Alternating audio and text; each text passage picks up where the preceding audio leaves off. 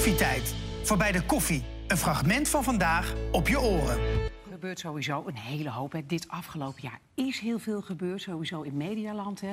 2022 stond natuurlijk in het teken voor jullie voor Speak Up. Hè. Daar stonden jullie allemaal voor.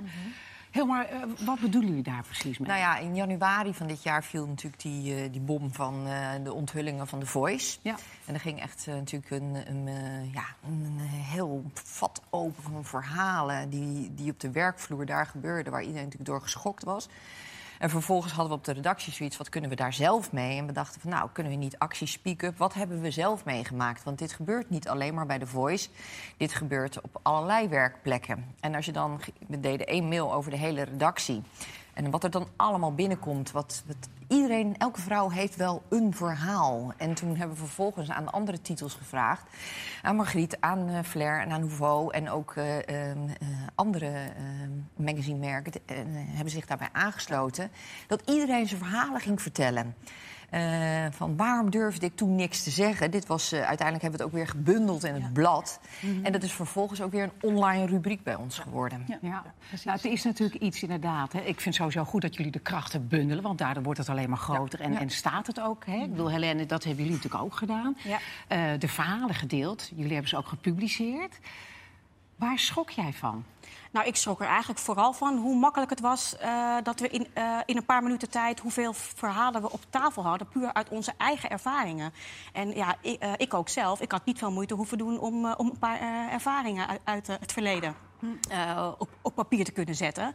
En het ging in mijn geval, ja, dan was het nou ja, relatief klein. Het ging om seksistische opmerkingen op de werkvloer toen ik nog heel jong was. Ehm, maar eh, nou ja, ik vond het schokkend om te zien hoeveel wij allemaal al hadden meegemaakt. En, en eigenlijk iedereen op de redactie had wel een, een, een negatieve ervaring eh, Ja. op dat vlak. En dat we het allemaal zo normaal zijn gaan vinden. Dat we dachten, Ja. ah joh, laten we lekker van ons afglijden. Ja. Maar dat- ik bedoel, dat heeft toch te maken met dat machtsverschil. Ja. Ja, ik, Absoluut. ik werd ook bij terugwerkende kracht eigenlijk ook echt weer boos. Zo van, Ja. ik, eh, ik heb me toen ook niet uitgesproken. Ik heb Nee. toen ook niks gezegd. En ik voelde daar nu weer een soort woede over opkomen van... verdomme, we moeten het gewoon niet eh, pikken. Oh, sorry, mag ik vloeken? Zeker. Nee. Zeker wel. Pardon. Ja. Maar, ja, speak maar dat inderdaad. Hè. Ja. En we pikken het, het ook gewoon niet, niet meer. Nee. En dat is heel belangrijk. Het is een kantelpunt. Absoluut, absoluut. Dat iedereen inderdaad. zich heeft uitgesproken. Ja. Ja, en je merkt dat het dan, dan eh, heel erg naar de andere kant gaat. Hè? Van eerst helemaal niks, nu alles. En uiteindelijk komen we weer in een nieuwe balans terecht hè, met elkaar. Want hoe is het bij jullie op de redactie gegaan? Ehm, ja, wij hebben diezelfde vraag gesteld. Ik heb ook zelf eh, mijn editorial over een ervaring geschreven. Was ook, ja, vond ik ook best lastig om dan gewoon ik. zoiets persoonlijks eh, toch te vertellen. Maar ik vind ook, ehm, ja, het is ook gewoon heel belangrijk dat mensen gewoon dat soort ervaringen eh, kunnen lezen. En daardoor ook weer zelf zich durven uit te spreken. Ja. Maar wat we bij Flair ook hebben gedaan is de andere kant. Eh, wij hebben ook eh, mannen aan het woord gelaten. Heel mooi. Dus bijvoorbeeld een man die vertelde dat hij onder groepsdruk een dikpik had gestuurd naar een meisje. En eigenlijk ook geen idee had wat uiteindelijk dat effect was. Dus wij vonden bij Flair ook belangrijk om ja, niet al te zwart-wit te zien. Zeker. En dat er ook heel veel grijstinten zijn. Ook mannen die gewoon geen idee hebben. Natuurlijk. ehm, we maken de samenleving samen. Hè? Precies, Niet, niet ja. alleen vrouwen, niet alleen mannen. Zo is het. Ja. Ja. dus we hebben echt die twee kanten eh, Ja. belicht. Ja. Goed. En eh, Claudia, waarom denk je dat de vrouwen zich nu steeds meer gaan uitspreken? Ja, om- ja, door de veiligheid, doordat inderdaad zo'n groot concern... of in ieder geval zo'n groot iconisch gebeuren als The Voice... dat dat naar buiten is gekomen, dat meerdere vrouwen zich durfden uit te spreken... zich aan te sluiten. En dat voelt veilig, want dat is ook inderdaad het motto... waar wij allemaal mee bezig zijn. Eh, elkaar ondersteunen. Ik zeg altijd van je vlecht zo je handen in elkaar... en zo draag je elkaar verder door, de, door het leven en de maatschappij heen. En wat ik zelf nog even wilde zeggen, hoe wij het bij Nouveau hebben aangepakt. Onze redactie is wat ouder. En het heeft mij vooral heel erg geschokt. Eh, dit zijn verhalen, onze verhalen zijn van meer dan 40 jaar geleden. Dat het inderdaad, wat jullie ook al zeiden, al zo ontzettend lang aan de hand is. En dat we het zo ontzettend lang normaal hebben gevonden. Ja, normaal. en bij sommige verhalen gaan natuurlijk ook onder je huid zitten. En dat neem je dan mee voor de rest van je leven. dus het vormt je ook nog een keer. Dus dat is. eh, eh, eh, maar er is nu zeg maar een punt gezet. Het is het kantelpunt.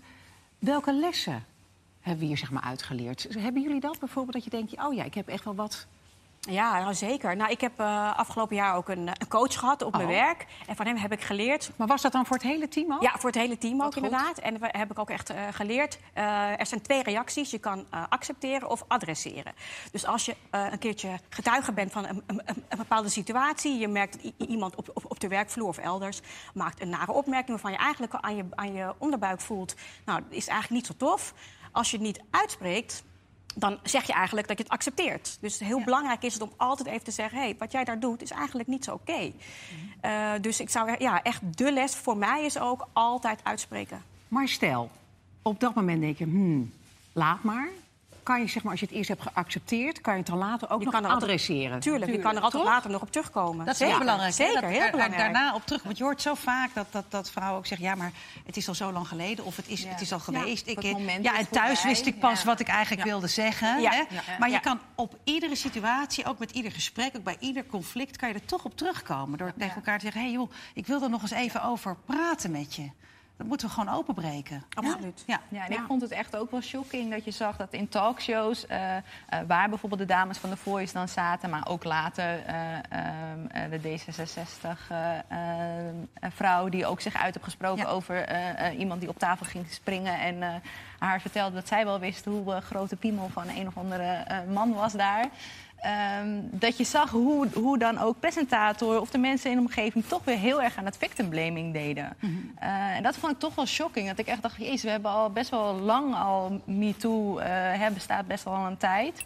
Eh, dat het nog steeds zo erg aan de hand is. eh, dat nog steeds eh, enorm aan victim blaming wordt Ja, gedaan. wat mij opviel was inderdaad een van die eerste vrouwen die naar buiten trad. Die werd helemaal afgemaakt op haar kleding. Van, Ja. je, je hoort daar ook met een hooggesloten truitje te gaan zitten. Ja. Alsof je niet zelf mag weten wat je mag dragen. Ja, het ging echt alle kanten ja. op. Ja. Ja, maar ik denk dat we toch nog aan het begin staan. Ja. Van. Kijk, de, de Voice heeft iets in beweging gebracht. We hadden Ajax.